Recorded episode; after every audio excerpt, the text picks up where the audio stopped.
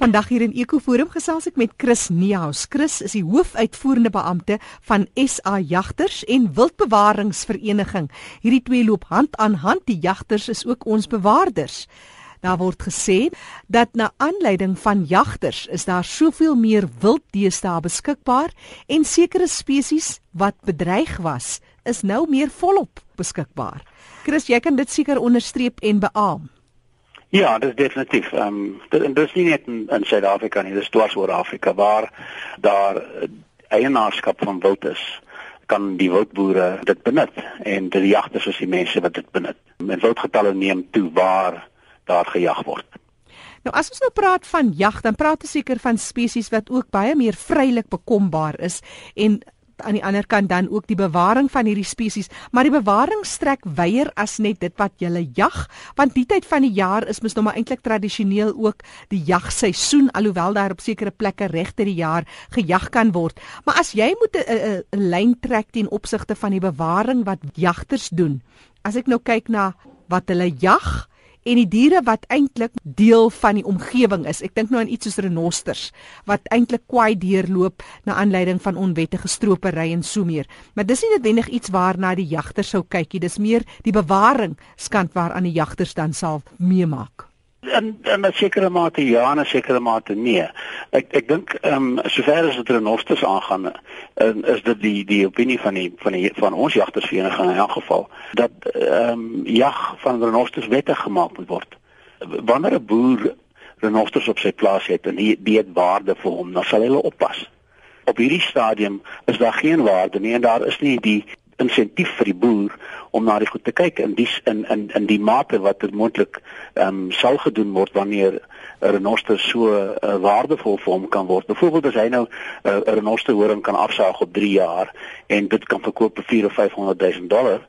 Ehm um, sal hy die, die ding natuurlik baie goed oppas want dit is baie waardevol vir hom en hy kan weer 3 of 4 jaar daarna weer 'n gedeelte van dieselfde horing weer oes. So maar in die, in die algemeen as dit by jagbare spesies kom, ons praat nou nie van 'n baie besondere um, 'n aparte spesies soos 'n renoster, ehm um, is daar 'n baie groot toename um, in die spesies wat jagters hoofsaaklik wil jag. Ek dink nou spesifiek aan dinge soos die die uh, blou wildebees wat baie in sy getalle toegeneem het in die afgelope 40 jaar.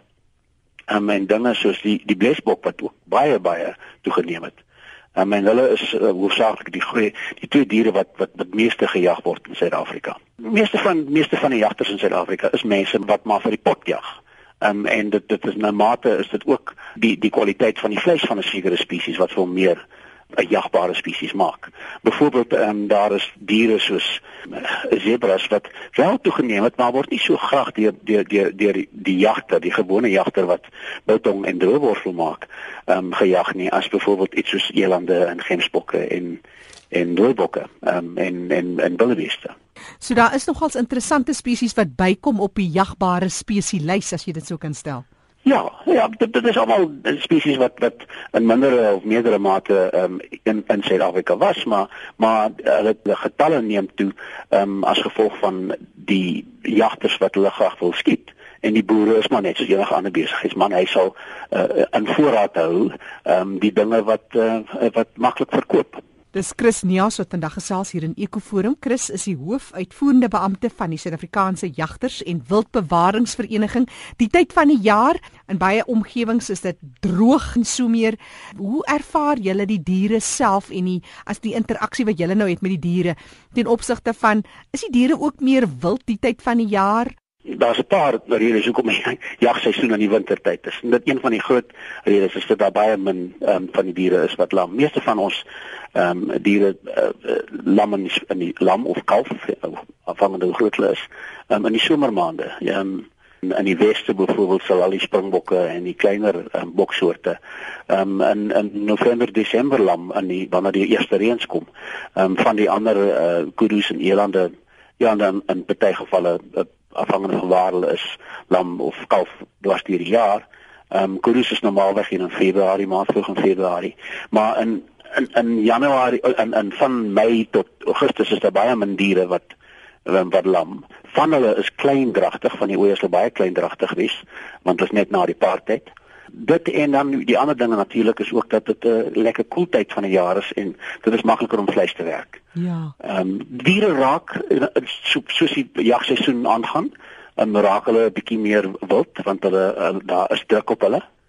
Ehm um, maar as hulle behoorlik en as as as as die jagters en die boere saamwerk om hulle nie te wild te maak nie en en oordeelkundig te jag ehm um, dan is dit nie so groot in effek nie. Chris vertel ons 'n bietjie van julle bewaringsinisiatiewe as jagters en van die interessante suksesstories ten opsigte van getalle van spesies wat net soveel meer het vermeerder het. Ja, kyk ek dink in die algemeen moet 'n mens besef dat daar ek dink as iets op hierdie stadium ons rekords want daar is nie duidelik rekords nie, maar ons uh, skatte daar om om en by 13000 ehm um, uh, wildsplase is in daai omgewing in Suid-Afrika uh, 12 na 13000.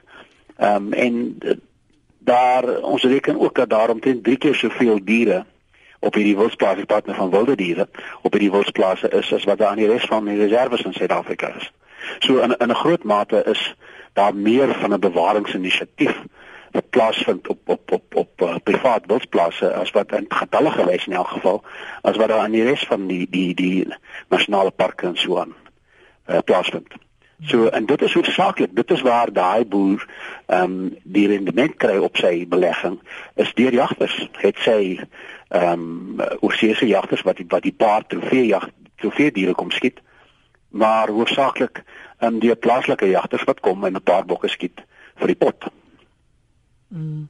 Nou praat so van vir die pot skiet. Jag, ek weet nou nie of mense daarna kan kyk as ook 'n soort van 'n stokperdjie is, want is ook 'n liefde wat mense het vir die natuur. En partykeer sal 'n jagter gaan stap en glad niks skiet nie en daai dag net weggevoer en meegesleer word deur die omgewing, die reuke, die geluide van omgewing en natuur. Maar hoe vind julle die jagters deesdae die, die samestelling van die mense wat kom jag? Ek dink in 'n mate is dit nog steeds 'n 'n 'n klein getal relatief bevoorregte mense. Ehm um, en dit is 'n ding wat die, die taak is van die jagtervereniging en ander verenigings soos om ons jagtervereniging uit te brei en om uit te reik na die res van die bevolking. En dit praat nou nie net van binne in in 'n bepaalde area nie maar oor hele Suid-Afrika moet 'n mens mense betrokke maak by jag. En dit is nie eintlik so 'n duur ding nie. Ehm um, as 'n mens kyk wat 'n mens betaal vir wildvleis, is dit in die, die algemeen goedkoper as skaapvleis of of of beesvleis. Ehm um, maar die die betrokkenheid en die geweer wat 'n mens moet hê en die kar wat 'n mens moet hê om daar te gaan ry en die kennis wat 'n mens moet hê om die vleis te werk. Ehm um, dit is 'n in 'n mate faktore wat wat wat dit nie so maklik maak vir mense wat nie jag gewoond is nie om toe te tree um, na die jaggebied. Daar's altyd sulke interessante navorsingsprojekte wat juis van stapel gestuur word na aanleiding van jagters, hulle inisiatiewe. Ek is self die eienaar van van twee wildsplase. Ek het wildsplase in Namibia en ek het 'n wildsplaas in Waterberg hierso. Ehm um, daar is navorsing gedoen spesifiek op gemsbokke. Uh, dit is normaalweg die die, die diere wat ehm um, baie goed aangepas is van die droër areas, die droë dele van die land ehm um, wat eh uh, uh, sulke aksies as hulle sien man kyk as hensbokteel normaalweg ehm um, is is is sy sy teelseisoen in in uh, Mei Junie wanneer die wanneer die of die paarseisoen in, in Mei Junie. Ehm um, en hulle kalvers val normaalweg in Namibia hier in November ehm um, tot November laat November. Maar as hulle sien as hulle verwag dat dit nie gaan reën nie, sal hulle mense sien jou kalfpersentasie val voor die voor die reën kom. Met ander woorde, die diere het op 'n manier weet hulle dat dit nie gaan reën nie. En baie van die van die van die van die gensbokke sal nie kalf nie. Hmm. Wat daar gebeur, presies hoe dit werk, ehm um, en neem ek aan daar is navorsing al gedoen, maar ek het nog nie eintlik iets gesien wat dit verduidelik nie. Want dit basies voor die reëns nie val nie weet hulle al nee wag dit gaan nie 'n goeie jaar wees vir jaar nie. En dan kalf hulle nie ek het baie keer op my Namibiese plaas daar kyk ek in my grensbok of hulle gaan en wat hulle kalfpersentasie is. En as jy sien hulle kalf nie dan moet jy verwag dat daar gemoedelike droogte wees. En daar's baie dinge van die natuur wat wat ons as mens nog moet leer. Ehm um, ons ons uh, ons sit baie en elke dag wat die mense in die jagveld gaan dan leer mense nog 'n bietjie meer. Mm. Uh, Chris, wil jy vir ons uh, dalk 'n webtuiste gee waar mense bietjie kan oplees oor julle inisiatiewe, die werksaamhede en so meer van die Suid-Afrikaanse Jagters en Wildbewaringsvereniging? Kyk, ons ons het 'n hele hele paar inisiatiewe aan die gang. Um, in in groot mate is ek besig om daai inisiatiewe probeer af te druk na die takke. Mm. Um, in die sin dat ek dink ons het 'n oorhoofse rol hierson by die hoofkantoor en dit gaan meer oor 'n kommunikasie ehm um, openbare betrekkinge rol waar ons basies die die die klomp en ek ben nou nie woord maklik gebruik maar die klomp snap wat baie keer geskuif word oor jagters en um, die mense wat oningelig is. Ons dit probeer teenvoeter op op 'n op 'n uh doelgerigte manier ehm um, maar ons het heel wat inisiatiewe. Ons het byvoorbeeld publieke trust die Kenyari trust wat heel wat betrokke is ons was heel wat betrokke in in in in in die renoster ehm um, geen aksies verlede jaar by die Pretoria Universiteit en waar ons klomp geld ingesamel het en dit oorgedra het aan aan die universiteit om die renoster DNA stamme te kan toets. Ja. Die Rhino Conservation Dialogue waarmee ons besig was. Die Rhino is alive wat ons nie ook verlede jaar mee uh, besig was daar's 'n hele klompie inisiatiewe maar soos ek sê wil ek het, op hierdie stadium uh, wil ek soveel as moontlik daai afskuif na die takke toe waar die mense eintlik betrokke gaan wees. En dit waar ons lede sit is in die verskillende takke dwars oor Suid-Afrika. En dit is waar hulle hulle hande betrokke kan maak by by bewaringsaksies ons is maar 29 mense hier in Pretoria wat 'n klomp ander goed het om te doen ook. So die eintlike bewaringsaksies kan ons ons kan praat daaroor en ons kan sê dit is wat ons lede doen Ehm um, en ek dink daai uh, proses van uh, versameling van al die inligting wat daar oor die 71 takke ehm um, wat daar gedoen word in in in bewaring is 'n ding waar ons moontlik 'n bietjie meer kan doen en dit dan kan is saambring en sê dit is die inisiatiewe van ons 36000 lede oor Suid-Afrika en dit is wat hulle doen um, in bewaring. En soos jy reg sê, duisende lede reg oor Suider-Afrika wat deel is van die jagters en wildbewaringsvereniging. Chris Nias, Chris is die hoofuitvoerende beampte van die Suid-Afrikaanse Jagters en Wildbewaringsvereniging.